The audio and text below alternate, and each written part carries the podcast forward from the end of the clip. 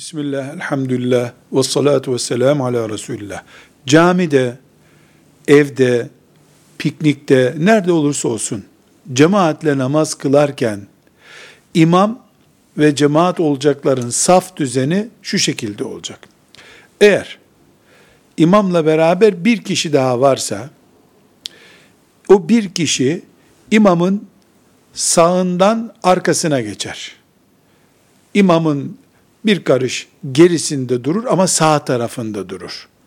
Dolayısıyla secdeye gittiğinde imam, o da secdeye gittiğinde imamın omuz hizasına filan gelmiş olur onun secde ettiği yer. Bir kişilik cemaatte imamın sağ tarafında bir karış gerisinde durur. Bir kişiden fazla olursa o zaman imamın arkasındaki safa geçilir. İmamın arkasındaki safta iki kişi olur. Üçüncü kişi sağa gelir, dördüncü kişi sağa gelir. Doğru olan, olması gereken e, saf ne kadar uzun olursa olsun imamın orta yerde durmasıdır. Sünnet böyledir.